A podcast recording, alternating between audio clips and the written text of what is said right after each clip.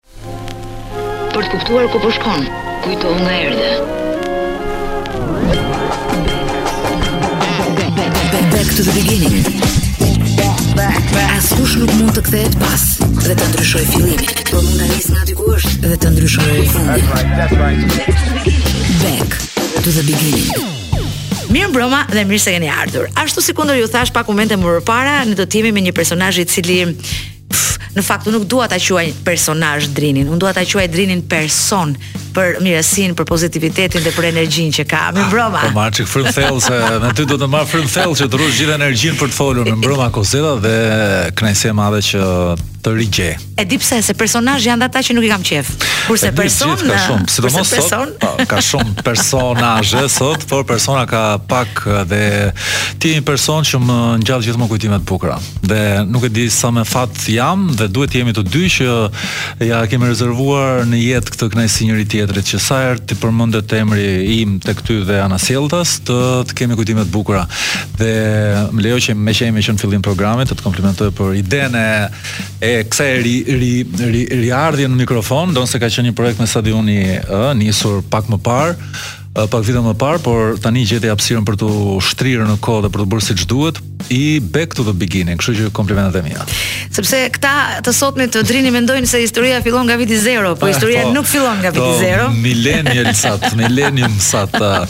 Po shiko, të gjithë kanë të drejtën që të jetojnë atë momentin dhe kohën e vet, por ky program do t'ua kujtojë disa gjëra. Mbase edhe zërat tanë në mikrofon të risjellin pak atë kohën e shkuar që ë mbetet aktuale, por jam i bindur që kur zërat tanë dëgjohen në mikrofon kanë një tingull tjetër, sepse ma thonë shpesh, pa ta thonë besoj dhe ty që o po sikur del ndryshe zëri në radio, seç ka një gjë radio ndryshe që sigurisht është kjo çështja e amplifikimit të mikrofonave dhe tjera pjesë teknike të cilat nuk kanë rëndësi të sqarohen tani, por Doja të thosha vetëm që është uh, kur dëgjohen zërat tanë në radio, pra është një tjetër kënaqësi që më, më rikthen në vëmendje faktin se njerëzit e kanë dashur këtë gjë dhe ne kemi mm, thonjëza modestisht ngjitur te kjo pjesa radiofonike. Ëm uh, në këtë muaj të shkurtër të vitit mm -hmm. ka shumë ngjarje. Vetëm pardje ka qenë dita botërore e radios. Po. Vetëm dje ka qenë uh, themelimi zyrtar i Top Albania Radios 26 vjet më parë. Sot është dita e beqarëve, po unë e madhe fort kur u martova unë, domethënë, të gjithë njerëzit kanë shanse për të martuar. Edhe unë bashkë me të tjerë. Drin. Si erdhe ti në radio? Në Top Albania mm -hmm. erdha shumë rastësisht, uh, nuk para kam treguar shumë këtë gjë, ndonëse sepse në televizion kur intervistohesh nuk ka shumë kureshtje për këtë pjesën e radios. Erdha shumë rastësisht, i rashë gjithë ato shkallët e piramidës, radio ishte në kat të um, dytë, mhm. mos gaboj, mm -hmm. dhe hyje në një korridor shumë uh, që të impresiononte, ka pasur një murale të madhe aty që nuk e di, besoj, me rikonstruksionin që i është bërë piramidës, mbase ka ndryshuar, mbase është ruajtur në ndonjë cep të saj, Dhe arrij te recepcioni, dhe unë e bëra gjithë rrugën pa asnjë njohje specifike, thjesht me dëshirën e një të riu që donte të bënte një upgrade në karrierën e tij, kisha punuar më para për Radion Plus 2, dhe thashë Top Albania, ishte në kulmin e vet, thashë go Drini provoje. Dhe takoj Indri DJ-n, uh, them Indrit uh, si e, si kalon, unë thashë kam ardhur për një provë. Okej, okay, më thotë mua, hajde më futi në një nga dhomat e uh, zërit, fiksova që, mm, Po më merr dhe më thotë bëj një prezantim thotë mua të një programi, një hapje programi, cilindo qoftë dhe nuk e mbaj mend në fakt në cilin program kam bërë, po bëra një hapje, përshëndetje, duhet të kujtojmë që po të më kërkosh tani ta ribëj atë, nuk e di si do tingëllonte zëri im dhe qasja me mikrofonin, po ka qenë një gjë kështu, kanë qenë këto fjalët pak klishe të kohës që hey miq të dashur. hey, po edhe një kështu hey zgjatur nga këto gjërat që të të të ndihmonin që dilje pak nga ato emocionet dhe edhe impostimi duhet të ketë qenë pak më shumë uh, bas ka vështirë vetë vetë për të arritur këtë që ke sot natyralisht e në atë kohë ishte edhe një modë kjo uh, të impostuarit pak hey miq përshëndetje mirë se erdhët ato domethënë ka pasur ca gjëra të kohës që uh, nuk ishim shumë natyrë nuk ishim tërësisht vetvetja por kishim individualitetin tonë dhe mbasi më hedh zërin, më thotë Indri që do të kontaktojë dikush nëse e ka pëlqyer zërin tënd dhe ti e di mirë që në atë kohë zërat i mm, dëgjonte vetë Tani i Topit, i famshëm mm, dhe të cilit mm, besoj që i atribuohet një pjesë e madhe e suksesit të Top Albania Radios dhe Top Channel pa diskutim dhe më thotë prita unë prit e prit prit e prit thashë më duket se s'e ka pëlqyer zërin kur mbas nja 2-3 javësh më kontaktojnë dhe më thonë që ok mm, e ke kaluar këtë fazën e parë që le të themi më dha shumë kurajo për të besuar tek vetja dhe për të thënë që ok ti ke diçka që vlen tek ty dhe e thënë nga personazhi në fjalë më dha shumë uh, kurajo ne pastaj do flasim se si u gjenda unë me Drinin, sepse kumbari i Drinit në Top Albania Radio është Indri DJ, kumbari im në Top Albania Radio është Andy DJ, eh, po. të cilin çdo 13 shkurt, po edhe çdo 24 korrik kur unë kujtoj ditën time të parë në radio, eh, dikur në qytetin tim të lindjes, eh, Andy është në ato njerëzit që unë nuk e harroj asnjëherë ta përmend për shkak të mirënjohjes që kam për të, se ndoshta nuk do isha këtu sot nëse Andy nuk kishte, nuk do kishte ngulur këmbë që unë të qëndroja në këtë studio të gjithë çuna. Sa vite më parë. Në Top Albania, paktën të kohës që kemi punuar ne, pa diskutim edhe me këta që punojnë, uh, gjithë grupin që punon tani janë uh, për t'u vlerësuar. Por ne sigurisht që kemi një lidhje pak më të ngushtë me me me stafin e fillimit, sepse lidhen kujtimet, lidhen ngjarjet, lidhen situatat, uh, shpeshherë ato momentet e mërzitjes. Radio ka patur Kalonim shumë kohë ma në radio, domethënë rrinim shumë gjatë. Ishte kalonim si... shumë kohë në radio, kalonim shumë kohë përballë radios, se dhe për këto të flasim, mos mendo se kam harruar. Po do të shkojmë tani tek Beautiful Day U2, në fakt të gjithë të ftuarit ah. e mi kanë një playlist eh, të cilën e zgjedhin edhe aty për aty, ne vendosim sa kohë kemi për të transmetuar muzikë, sepse dhe koha është e kufizuar. Drini është fans personal i U2. Po, jam prej vitesh, gjithmonë me Bono Vox, më ka pëlqyer shumë, kë, gjitha këngët e tyre më pëlqejnë, më më stimulojnë atë dëshirën për muzikë të mirë dhe muzikë cilësore. Beautiful Day gjithmonë në jetë më jep një hapësirë reflektimi për të besuar që çdo ditë duhet të jetë e bukur dhe duhet shijuar. Pra, po thonim që si u gjenda unë dhe po, Drini bashkë. Po, dhe ti e mban mend për shembull se më kujtua tani para se të hynim kur prezantuam Beautiful Day se sa kemi vuajtur për ato countdownet e famshme. Sepse ti duhet të mbash mend që nuk kanë qenë këto aparaturat moderne që janë tani që ti ti domethënë i shikoje sekondat e domethënë e llogarisje domethënë në sekonda se sa donte këngëtari që të, të këndonte. Kjo do të thotë që ne kishim vesh muzikor. Po, jo, që ta rikapitulojmë edhe një herë. Përpara se të fillojë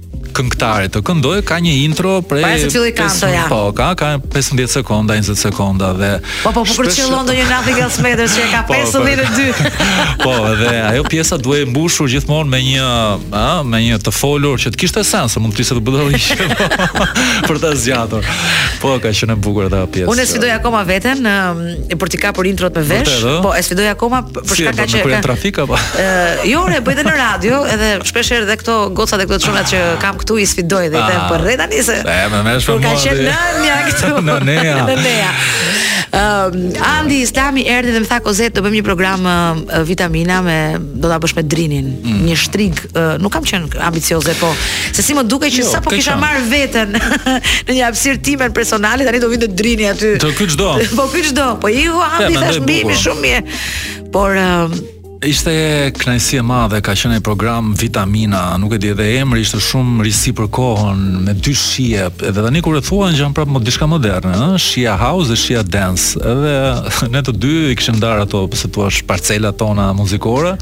Dhe fjalët e fundit të mm, diskografisë i përfaqësonte shumë mirë Andy DJ me përzgjedhjen që ai bënte, mirëpo e vetmja frikë që patëm në fillim ishte ajo mbivendosja e dy zërave tanë kur prezantonim sepse ishte pak i zhurmshëm gjithë programi, pastaj kur e kam dëgjuar në transmetim, sepse regjistrohej, ishte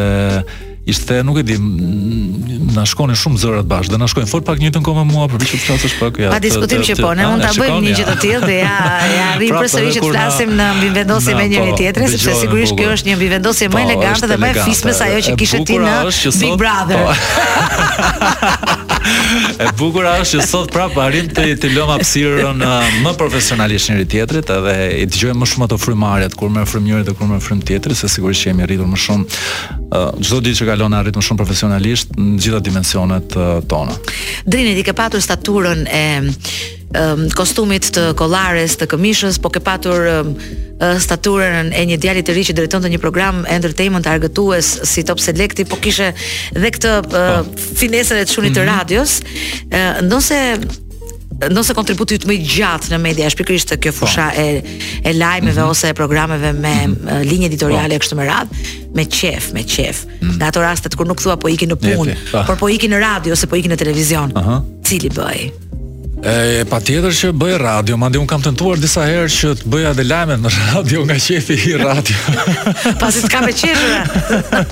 po, dhe thosha, po mirë, unë pëlqen që pëlqen radio, pse nuk Bëj dhe lajmet në radio dhe besoj që nuk e di për pak kohë, edhe mund t'i kem lexuar ato fleshet e Top Albania Radios, edhe e gjitha kjo sepse më pëlqente shumë koncepti radiofonik. Pastaj fillimi i eksperiencës në televizion na largoi nga radio, edhe na bëri më shumë televizivë, ti e di që të josh pastaj ky imazhi të qenit i njohur në televizion. Shumë shpejt për një kohë të shkurtër. Do të shumë shpejt dhe Do të kujtojmë që hapja e Top Channel dhe fillimi i programeve për të rinj, që ishin të parat programe që u hapën, pastaj filluan me programe të tjera më të plota dhe si t'ua them më mirë të organizuar se Top Select-i ka qenë gjysmë radiofonik, gjysmë televiziv në fillim. Na joshi me me famën, ishim shumë të rinj për t'u bërë shumë të famshëm. Tani hyjmë në program. Mirë se erdhët. Mirë se erdhët në program. ishim shumë të rinj për t'u bërë aq të famshëm edhe ishim uh, uh, mbase jo gati për t'u përballur me aq shumë përgjegjësi, me aq shumë famë, me aq shumë vëmendje, me aq shumë zgjedhje që duhet të bënim në jetë, me aq shumë kujdes që duhet të tregonim me kolegët, me gjërat që donim të bënim, nuk mendoj që kemi qenë tërësisht gati. Ka qenë e gjithë media në Shqipëri ka qenë në një fazë eksperimentale në ato vitet e para, mediave private, po të them, mm -hmm. derisa gjithsecili gjeti veten, dikush po tenton ta rigjejë, dikush po përpiqet për më shumë, është është një proces që nuk mbaron asnjëherë. Po radio ka qenë gjithmonë dashuri, domethënë e madhe, kështu që pastaj ka pasur ca programe të veçanta, botë e çuditshme, vende Eno, pastaj një periudhë kohe bëra bënim bashkë me Eno, kanë qenë këto hit list UK, American Top 20, kanë qenë këto hit European Top 20 që e kam bërë unë. Po. Të premte. Ishte sigurisht programet e famshme të Goca Ventu Albania të një këngë për ty, ishte Lunch Show, na thkoi Bondar Bana, tani Në atë kohë një këngë për ty e bënte Joy, një pjesë, një pjesë, një periudhë kohe para se të vija unë drinë, se kur unë e bëra unë. Jo, e ka fjalën që mbas epokës së Gertës, po them, mbas epokës së gjatë të saj, në kuptimin e epokës së dinozaurëve. Po që përshëndesim të gjithë dhe të gjithë ata që kanë folur në mikrofonet e Top Albania Radios, kam një respekt shumë të madh dhe i çojmë një përqafim shumë të madh të gjithëve. E di ça më kujton mua kjo këngë që do të transmetojmë tani. Mm. reklamën e parë grafike të Lori Kafes. Po. me kokrrat e kafes që binin. Domethënë sa herë unë dëgjoj uh, Verve the Bitter Sweet po, Symphony, më kujtohet si një imazh ajo reklamë. Bitter Sweet Symphony that's life. Po dëgjojmë, po kënga është shumë e bukur vetë dhe mua më Po po s'ishte e bukur nuk e kishin kapur kapur për ta bërë reklamën. Që ta dini ne nuk vetëm punonim si siç edhe sot, vetëm se uh, ka ndryshuar ndoshta edhe koncepti për elitat. Dikur uh, interesant ishte ai që ishte pak më ndryshe, që kishte stil, ndërsa sot ka çfarë uh, lloj çelësash makine përplas në tavolinë, çfarë lloj telefoni uh, përplas në tavolinë dhe çfarë lloj marke ka makina jote.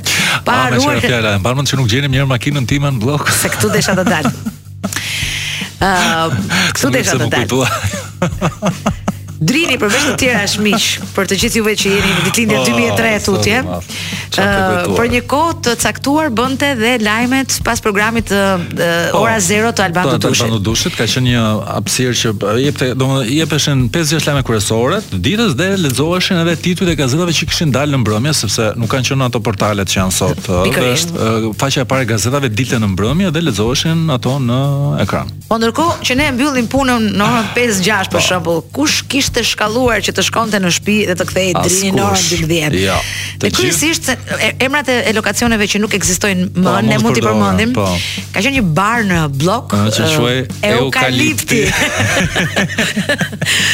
Eukalipti një grup njerëzish që punonte në top që s'kishte asnjë lidhje me tjetrin. Ka qenë regjisor, teknik Pulti, montazhi. Duket se ata e mbanin atë bar. Domethënë grupi e, jo, domethënë ata i jepnin dhe të ardhurat kryesore atij bari sepse gjithkohë ishte i mbushur nga këta njerëz. Edhe aty kaloi shumë kohë, edhe ne kemi kaluar shumë kohë aty në atë bar, në ish blok ndodhet, ndodhej se tani kush di ç'është bërë atje një ndërtesë shumëkatëshe, por uh, Eukalipti na ka dhënë kaq shumë hapësira për t'u njohur me njëri-tjetrin ato kafet, gotat. Pinim ndonjë vodka ne atëherë që nuk e dinim çfarë ishte, po thjesht duhet të ndiheshim më të rritur. Ato gotat që e mban mend si i masnim sa gota kemi pirë. Po. Me ne ma ca e mban mend. Ai që pinte vodka i numëronte me fletët e limonit brenda. Ai që pinte konjak i numronte me kokrrat e qershive brenda, bërthamat. Po, tash nuk do ta mbaja mend këtë detaj. Dhe po. pasi kishim numëruar shumë limona dhe shumë kokrra qershi, nuk po. gjente makinën e tij. Nuk gjenim makinën time se ku ishte parkuar makina në blok dhe ka pasur ca episode fantastike të qeshurash dhe nuk di ta them sa më shumë emocionojnë këto kujtime të asaj periudhe se ka qenë një periudhë që kemi jetuar jetën full, domethënë, punonim, shijonim, bënim njohje të reja, nuk e di ku e gjenim atë energji se tani na dhemb çdo kockë kur çohemi nga krevati. Kanë kaluar 20 vjet që atëherë Drini. Po. Dhe unë aty për herë të parë kam shkrirë talentin tim në grim, besoj që portreti i parë që unë kam grimuar, është ai i Drinit në lajme. Për dije ia di Kozit, domethënë, po ta themi tani këtë gjë, nuk e di se si mund të tingëllojë, Por bëheshim gati për lajmet për këtë hapësirën pra televizive dhe Kozeta që më grimonte me kujdes, kështu pa pa pa duke më rregulluar që të dukesha sa më mirë, mbaronim lajmet, bënim edhe një herë tjetër një xhiro të fundit dhe kështu zgjoheshim të nesërmen nga fillimi për të njëjtin ritual, për të njëjtën kënaqësi, për të njëjtën ëë uh, për të shijuar profesionalisht ato ditët tona që po na jepnin gëzimin e punës që ti do të bësh, sepse nuk ka gjë më të bukur në jetë kur ti bën punën që do. Dhe ne për fat un hyj te njerëzit dhe ti besoj ë hyn te njerëzit që bën punën që do uh, me këtë desha me këtë që tham bashkë me Drinin deshëm të caktonim mm. edhe një mesazh le ta quajmë kështu se i kam si bezdi këtë punën e mesazheve por e vërteta është që uh, edhe ne kishim konkurrencë dhe ne ishim njerëz të të njëjtit profil. Po me thënë të drejtën. E kishim po. Ka ca fytje dhe kapje prej leshi jo, si këto jo, që jo, unë shoh jo, sot, jo, jo. nuk i kishim. Ti hape një temë shumë të bukur sepse kemi pasur dhe e kemi pasur shumë të shëndetshme. Ne konkurruam për ti e the pak më parë bënim një program të dy, imagjino ose bënim uh, ndanim hapësira uh, radiofonike, televizive etj etj, ishim në të njëjtin ambient, po nuk e kishim këtë mm, xhelozinë që shoh sot uh, vërdallë. Nuk e di pse dhe mbase ajo ka qenë e shëndetshme dhe ajo na ka rritur në mënyrë të shëndetshme. Unë dhe tani ndonjëherë mbase nuk jam njeriu aq uh, xheloz, po themi, sa do duhej të isha ose nuk shpreh ndonjë lloj egoizmi të të tepruar kur në fakt e shohim që të gjithë e kanë të zhvilluar këtë gjë. Po mbase sepse besonim te vetja, besonim te aftësitë tona, besonim tek mbase ka dhe një gjë tjetër që në ato vite talenti shpërfaqej e merrte vlerat më shumë se sa ndonjëherë i merr sot, mbase, domethënë, kur shikoje dikë të talentuar që uh, bënte diçka i jepej hapësira, nuk është se s'i jepej, sot nuk po them që i mungon dikujt, Por sot ka mekanizma të tjerë, është pak më e vështirë, ka ca forma sa që nuk është se ndodhin në Instagram. Nuk është se ndodhin vetëm në Shqipëri, ndodhin edhe jashtë, por ka ndryshuar këto 20 vjet shumë edhe edhe gjithë bota, gjithë koncepti medial ka ndryshuar, mediumet kërkojnë tjetër të tjera të tjera të tjera qasje dhe aftësi. pra me pak fjalë, pra me pak fjalë xheloz është ai që Ja unë jam uh, xheloz për ty tani për këtë program, ç'po bën e di ti, po xhelozi e bukur. Më është. Po i hërdi. Në dorë e ke. Jo, xheloz është ai sot në ditët për që për për për të cilat po flasim. Si e mendove këtë program ti? Ja, ta them tani, po xheloz është ai që nuk e di uh, se çfarë bën, nuk e di se sa uh, aftësi ka për të mbajtur Ah. Dhe për të hyrë në garë, ai bëhet xheloz sepse njerëzit që e dinë se ku e kanë vendin e tyre, kohën e tyre, nuk kanë pse të bëhen xheloz. Jo, nuk kanë pse të bëhen xheloz. Po un uh, jam xheloz në thonjëza për programin, më duket ide shumë e bukur kjo.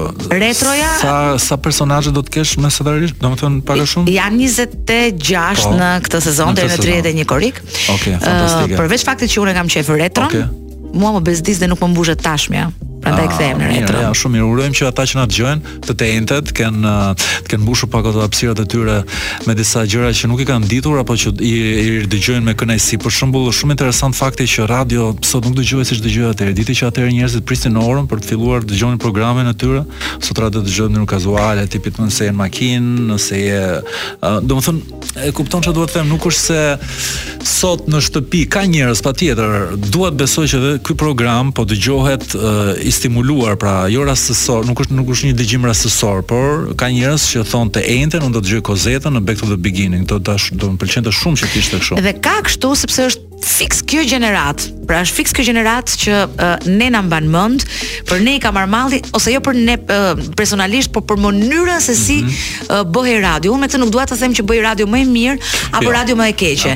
Thjesht jo. bëhej radio pak më ndryshe. Njerëzit kishin vetëm shumë pak mundësi për t'u argëtuar, nuk kishin këtë akses në informacion që kanë sot në Instagram, në Facebook, në YouTube kudo. Shiko, dhe kjo është e veçantë. Do t'u japim kohën dhe njerëzve të rriten, sepse ndonjëherë unë dëgjoj njerëz në radio dhe Ju gjej defekte, nuk e di pse kam këtë këtë vesin që i dëgjoj në radio, në makinë kryesisht dhe them, "A pse po po e zgjat fjalinë, pse nuk po i vë pikën, pse nuk po e ngre pak më shumë zërin, pse nuk po i artikulon më qartë fjalët, pse ë nuk e ka timbrin kaq të pastër, detaje si këto që gjithmonë nuk i shpëtoj dot pa i vënë re." A këto janë sëmundje profesionale, nuk po, i pra, shpëtojmë dot. Por Ne a e dëgjonim veten kur ishim 20 vjeç, pra dua të them, këta që ne dëgjojmë sot uh, janë siç ne kemi qenë 20 vjeç, mbase dhe ne po ta ridëgjojmë veten, do gjejmë plot gabime. Jam i bindur për këtë. Po, po e vërtetë, unë atëherë flisja me zë koke, tani edhe kur bëj sherr, bëj me me me zë gjoksi. Koha kalon bukur vetëm kur kalon shpejt. Gjithmonë e kam thënë që duhet ta bëj më të gjatë këtë program, po shpresoj shumë që të ftuarit të kenë dëshirën për të qëndruar për shembull deri në mesnatë,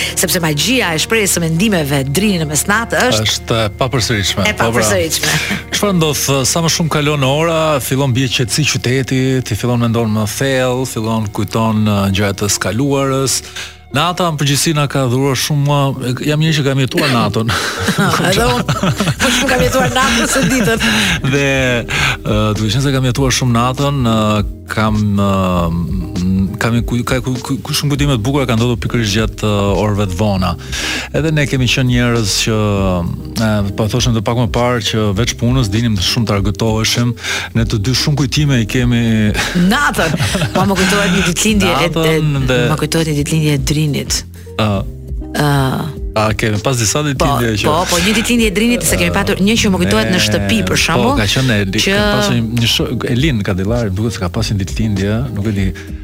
Shumë eh, larg po, te uzina e traktorëve po, kemi një foto aty me rruaza të bardha me perla, por di dhe një festë tek Drini ku eh, edhe atëherë ka funksionuar si producent Drini. Mm. Erdhëm aty po shpinë ta bëmë rrëmujë. Ah, po. Enët i kam larë vetë, po, po, enët i kam larë me këto duar. Po, sot sa shumë ngjarje na bashkojnë. Po kemi kaluar kohë shumë bukur bashkë. Eh, un jam i lumtur, e them edhe një herë tjetër që kam një mike si ty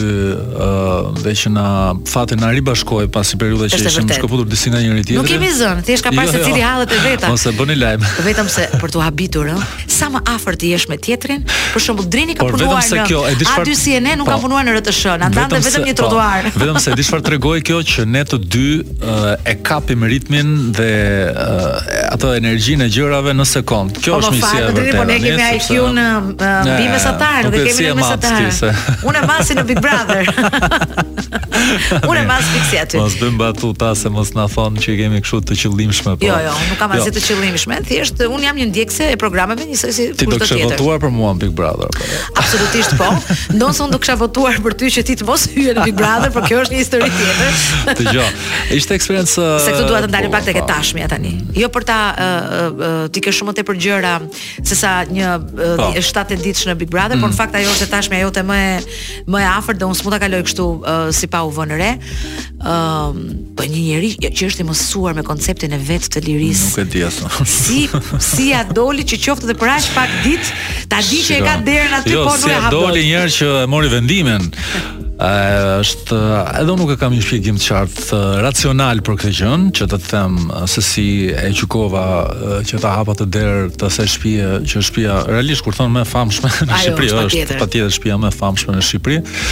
Por erdhi shumë natyrshëm në atë kohë, erdhi si një dëshirë e imja për të shfaqur një pjesë që njerëzit Mbase e kishin harruar, mbase nuk ose nuk e dinin, ose dhe nuk e dinin ose nuk po ua shpërfaqja shumë për shkak të angazhimeve dhe programeve që po bëja kohët e fundit, shumë gjëra që unë do doja që ata t'i mësonin për mua, shumë uh, e pashë dhe si një mundësi për të më risjellë edhe një herë tjetër në në këtë tregun e madh të, të të mediave në Shqipëri dhe për t'i parë gjërat me një me një kthjelltësi ndryshe për t'i parë më qartë dhe besoj që jam duke i parë më qartë Ajo eksperienca mbaroi uh, mbase jo në formën më të mirë, se m'u desh të dilja nga shtëpia, hm, për shkak të një uh, për shkak të një emergjence familjare kemi thënë edhe herë tjetër uh, arsyet e kemi folur publikisht për këtë gjë. Por uh, më më më ka rikthyer në vëmendje Drinin, më më ka zgjuar shumë Drinin, më beso këtë gjë. Tani ka zgjuar Drinin apo ka prodhuar Drinin e Big Brother, se kjo nuk do ishte shumë jo, mirë jo, për një njeri që ka 20 e disa vite në media. Jo, nuk kam, unë nuk arrita madje që ta tregoja Drinin e Big Brother, okay. kështu që rrjedhimisht nuk identifikohem dot me mm. Drinin e Big Brother, por sigurisht që imazhi im i riktheu njerëzve në vëmendje, si thua, profilin e e një njeriu të televizionit, i cili i cili me sa duket, dhe nuk nuk më vjen keq ta them këtë gjë, me sa duket, njerëzit e duan. dhe është një si mace shumë që ta kënaq shumë egon kjo dashuria që të vjen qoftë edhe nga rrjetet sociale ditët e sotme sepse nëse më përpara ti nuk kishe si ta masje sot e mat edhe aty e ndjen nga mesazhet nga komentet ndonëse unë hyj te njerëzit që për shkak të faktit që kanë bërë televizion për ditë pra nuk kanë punuar më shumë në projekte po kanë qenë për ditë televizion s'ka rëndësi se çfarë kanë bërë po kanë qenë për ditë unë ndjej tek njerëzit edhe kur eci në rrugë edhe kur në një market për të blerë diçka kur shkoj për të rinovuar letrat e makinës dhe detaje si këto, ti e ndjen pra atë afërsinë që njerëzit kanë me ty dhe kjo tregon që unë kam qenë aty për njerëzit pavarësisht pavarësisht programeve që kam bërë ndër vite. Por tani që flasim, dua të them vetëm këtë gjë. Bigu është një eksperiencë fantastike për këdo që do të shkojë te njerëzit për këdo që do të luajë, për këdo që do të t'i nxjerrë vetes më të mirën dhe më të keqen ndonjëherë, aty luhet me dimensionet njerëzore në 360 gradë, lum kush është i zoti që t'i përballojë dhe që të që të jetë në këtë tregun, në këtë xhunglën e vështirë, nuk ka lojë të keqe, lojë të mirë, nuk ka nuk ka sjellje të gabuar, sjellje të drejtë, ajo është një shtëpi, si thua, në thonjëza pa rregulla, rregullat e mirësjelljes secili nga ne e përcakton që kur rritet, piqet dhe vaksinohet, shprehja që e dëgjojmë kaq shumë këto kohë të fundit, por mban përgjegjësi ti e Kozeta për zgjedhjet e tua që ke bërë në jetë, unë jam Drini, do jeta vetëm këtë dua të them që jeta nuk është Big Brother. Por me me të mbaruar programin, gjithë ata që mund të jenë quajtur lojtarë të mrekullueshëm apo fantastik, edhe ata që kanë qenë mund të jenë quajtur lojtarë të dobët. Më pak të mrekullueshëm. Më pak të mrekullueshëm. Se e mizeri ti, nuk është faji im. Po për mirë se është programi jot në fund. Dhe e drejtoj unë. Shkop nuk ka, po e drejtoj unë. Dhe për mirë, por dhe për ta mbyllur, um, jetë kur del kur del nga shtëpia pra dhe ti vendos që të përballesh me jetën dhe aty tregon se çfarë do bësh, çfarë nuk do bësh, si do të japësh drejtim jetës, gjërave etj etj, aty pastaj tregon kush je ti në të vërtetë. Pra nuk është nuk mjaftojnë 3 muaj për të treguar se kush jemi ne. Drini si ishte të të a, jet, a jetohet me frikë kur flet 25 me 25 hmm. vite, jo me frikë se do të rrahë dikush, po. Hmm um, që mos zbulohesh, që mos zgrahasësh, që mos bësh ndonjë gjë tjetër, që të mos ta përmendim. A është ky sikleti që rri me një sy hapur një sy mbyllur po. nga frika se mund të të shpëtojë ndonjë gjë shkurt muhabeti. Në një ekziston patjetër. Të gjithë ata që kanë hyrë përpara dhe që e kanë provuar dhe kanë thënë që ato ajo frika zgjat ato ditët e para, pastaj ti më beso që i harron. Harron çdo gjë dhe fillon jeton sikur kamerat mos ishin. Mm -hmm. Dhe ti bëhesh përgjegjës vetëm për gjëra shumë të ndaja, pastaj flasim për gjëra tipit kur ti duhet të kthjellohesh që mos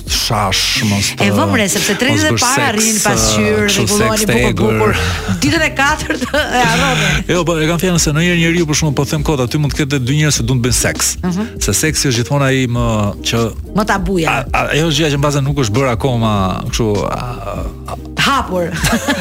Se do të thosha, se po thua që nuk është bërë hapur, ngjan sikur është bërë, por nuk është bërë hapur. Por uh, se ne qenia njerëzore për këto pjesët e turpit është gjithmonë më më e kujdesshme, ëh, se është turp, kjo është turp ajo etj etj. Por sigurisht nuk i harron dot kamerat.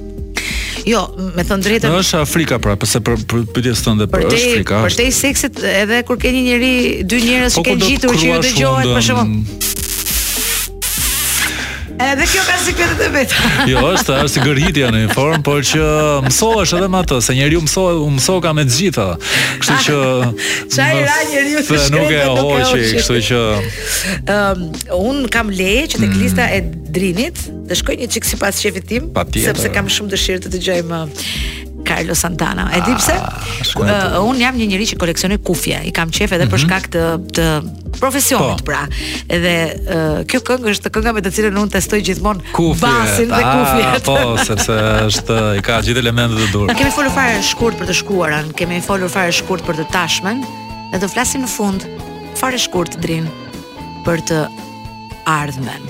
Shpesh herë mm. në të gjithë këtë kombinat të të bërit të gjërave në në profilin në, në punën tonë ose do të bësh 1 milion gjëra ose nuk e gjen veten në asnjë gjë sepse nuk të pëlqen, nuk bie dakord. Mm -hmm. Ka shumë dyshime edhe në fund fundit dyshimi është pjesë e e qenies njerëzore. Në cilën fazë? Kush na shan? Di vetë. Kush na ka inatin? e përshëndesim me këtë këngën mm -hmm. me, me limona o, si është ajo. po. Ëm um, por kur programon një të ardhme, nuk ka rëndësi nëse është afatshkurtër apo afatgjatë, sepse në fund të fundit asnjëri nga ne nuk bën dot plane afatgjata, ne sot jemi, që sot jemi nesër s'jemi, ne po, po, tani ne jemi dhe pastaj nuk jemi. Zoti qesh. Kështu që uh, megjithatë të gjithë kanë dëshira të programuara, të menduara, edhe qëllime. Ë në fund të ditës njeriu nëse nuk ka një qëllim për të cilin të lodhet, mund të mm. mos ia dalë, po të paktën është është lodhur. Ka, se ndryshe do përfundonim si, ku di un, në vendet nordike që janë në vend të parë për shkallë të madhe lumturie, po janë edhe në vend të parë për, për shkallën e vetëvrasjeve, po. për për nuk mhm. për metra katror të personave që jetojnë aty. Pikërisht se s'ka një qëllim, ngaqë kanë gjitha gati. Të tutë të cilët janë. E di që ti e ke qef televizionin, e, uh, e di që televizioni media për shumë prej nesh është një uh, mënyrë për të, të pay bills për të paguar faturat mm. e veta. Por ndoshta jemi tek faza që jo gjithçka është për pay bills, po duhen ca gjëra edhe që i kemi me qejf më në fund. Nuk është uh, surprizë të them që media është dashuria ime më e madhe në jetë, domethënë profesionalisht dhe Nëse ka një ëndër që ka pas dhe një qëllim, sepse asnjë ëndër nuk vlen të quhet ëndër, po nuk pate atë qëllimin që ti the. Ë, nëse ka një ëndër të madhe timen që unë do doja ta materializoja dhe që t'i jepja kuptim, është që të jetoj të gjithë jetën time derisa të mos kem më fuqi të flas apo të lëviz të së qenit aktiv në media. Ë, por kjo nuk është vetëm dukje. Nuk do të doja që puna ime në media të ishte vetëm dukje dhe të mungonte ajo gjë më e rëndësishme që është thelbi dhe substanca. Mendoj që këto vitet që kemi lënë pas më kanë ndihmuar të kuptoj që ne kemi edhe ca disa detyrime shumë të rëndësishme. Kur punon në media, nuk mjafton vetëm argëtimi, ajo shurma, rrjetet sociale, skandali, e gjithë kjo familja e madhe që ne e dimë sot. Mendoj që ka edhe ca gjëra që duhen bërë si një lloj mesazhi që njerëzit ta marrin, ta marrin. Për elektoratin gri, për njerëzit që na, po pra, shohin në televizor, që po. na dëgjojnë në radio. Dhe do doja shumë që të kisha mundësinë që ndër vite t'jua jap njerëzve këtë këtë pjesë të t'ja mbush këtë pjesë si do thua ti nuk është se e kam tërësisht të qartë po mendoj që formatet më të mira janë ato të njerëzve njerëzore formatet më të mira janë ato ku një elementi njerëzor Është kryefjalë. Më pëlqeu një status i yt, status i prezantues i programit, më ngeli në mendje tani, tani më kujtua i yti, po e lexoja në Instagram, thot në një paragraf të tij që çdo njeri ka diçka njerëzore, edhe një vrasës seri, edhe një mos e perifrazoj gabim, edhe uh, edhe vrasësi serial ja, është, është hero i fëmijëve të tij. Thën kjo, uh, mendoj që çdo një çdo histori e treguar bukur, uh, pra Të tek çdo njeri dhe njeriu më i thjeshtë, nëse ti di t'i nxjerrësh atij uh, një element personal, një rrëfim të bukur, një uh, deklaratë që ai nuk e ka bërë, një një një zbulim të vetvetes, mendoj që ti ke arritur të bësh diçka të bukur në televizion. Pra, unë do doja shumë që um, ndër vite të kisha përballë pra individin, personin, uh, karakteret e njerëzve për të për të dialoguar dhe për të biseduar me ta, sepse mendoj që Rrëfimet janë një gjë më e bukur që njerëzit dinë të bëjnë në jetë. Është shumë e vështirë mm, që të të bësh dikë të rrëfejë dhe ta të t'i nxjerrësh atij jo jo jo jo gjëra për lajm, jo gjëra sensacion, por të vërteta të të bukura të shiko. Askush nuk është i vërtetë, edhe edhe brenda ne të dyve në këtë intervistë që po bëjmë, ka uh, elemente të pa, kujdesit, të kujdesit për të, të mos dozave, të dozave për, për të mos shkuar drejt vërtetësive që mund të, të dëmtojnë njerëz, mund të dëmtojnë dhe ne, mund të dëmtojnë dikë tjetër. Por nëse ti gjen element uh, tek njerëz të caktuar që t'i bësh ata të rrëfejnë, mendoj që kjo është diçka e bukur dhe që mungon disi në televizion. Pra rrëfimet mungojnë, mendoj që mungojnë disi, po të gjesh elemente të bukur njerëz, persona, pra jo personazhe, sikurse e thamë edhe në fillim program, po të gjesh persona uh, të bukur, është një gjë që do më pëlqente. Pra qëllimi për të për ta mbyllur këtë pjesë të së ardhmes do të ishte kjo mm, e shoh veten një herë të plakur kështu, e mendoj një herë të plakur, do, me atë pafuqinë që të jep plakja ndonjëherë për të ngadalësi, me atë ngadalësi, po që ti prapë je aktiv dhe i lezetshëm me atë me atë personazhin që ke krijuar ndër vite në televizion. Kështu që do doja shumë të arrija kësaj pjese, nuk e di sa jeta do na japë mundësitë që të jemi me këto plane, ne thamë dhe njëherë që ne bëjmë plane në universi apo ajo gjëja tjetër që ndodhet mbi ne, që unë besoj që ka diçka përtej qenies njerëzore, mbase qesh apo nënqesh me, me planet dhe me idetë tona, por e rëndësishme shumë e kam këtë dëshirë. Drini Zeqo 20 vite më përpara mm. ngjiti shkallët e Top Albania Radios dhe uh, provoi të kishte një mundësi, ndërkohë që nuk kishte aftësinë dhe bindjen edhe besueshmërinë që ka sot. Kështu që Drini i dashur, kur ti 20 vjet më përpara bëre atë që deshe, 20 vjet më pas jam shumë e sigurt që do bësh atë që do. Ah, edhe unë besoj shumë që kjo intervistë erdhi në kohën e duhur dhe në momentin e duhur dhe ishte shumë shumë shumë shumë kënaqësi që Për ata që na kanë dëgjuar erdha uh, erdha pak më ndryshe se në intervistat e tjera dhe që të rigjeta në mikrofon, uh, uroj që shumë shpejt të të kem në programin tim, pse jo, ose në një hapësirë timen uh, të cilësdo lloj forme dhe të të fjalosemi në një formë tjetër. Jam shumë dakord sepse unë Drini kam një 3 vite. Ti si e pas intervistë?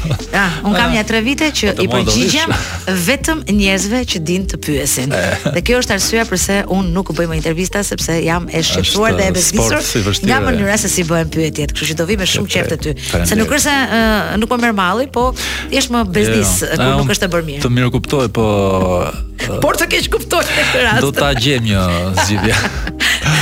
Uh, ne kemi qenë me Drinin, kemi kujtuar gjëra shumë të bukura. Unë kam kujtuar shumë më tepër dhe përtej kësaj interviste sepse na kishte marrë malli, po ashtu ashtu sikundër thamë Drini u rigjetëm dhe kjo është një nga gjërat më të bukura në fund fundit ë duke shpresuar që kjo po. energjia po. jonë të jetë transmetuar edhe jashtë është po, besoj që po. kryer me sukses. Do ta mbyll vetëm me një gjë tjetër të fundit fare për një kompliment për ty. Ë nuk e di si ia ke dalë që ke ruajtur gjithmonë të njëjtën energji dhe të njëjtën karakter Të dallueshëm nga gjithë të tjerë, që nuk je bërë njësoj si të tjerët, dhe që uroj shumë që me kalimin e viteve dhe kur takohemi pas shumë vitesh të jesh po prap ky karakteri identifikues, pra thjesht Kozeta. Faleminderit shumë. Ky është komplimenti më i bukur që mund t'i bëhet dikujt i cili është nuk është se nuk është lodhur për të mos ndryshuar. Mm, po, ia ke dalë.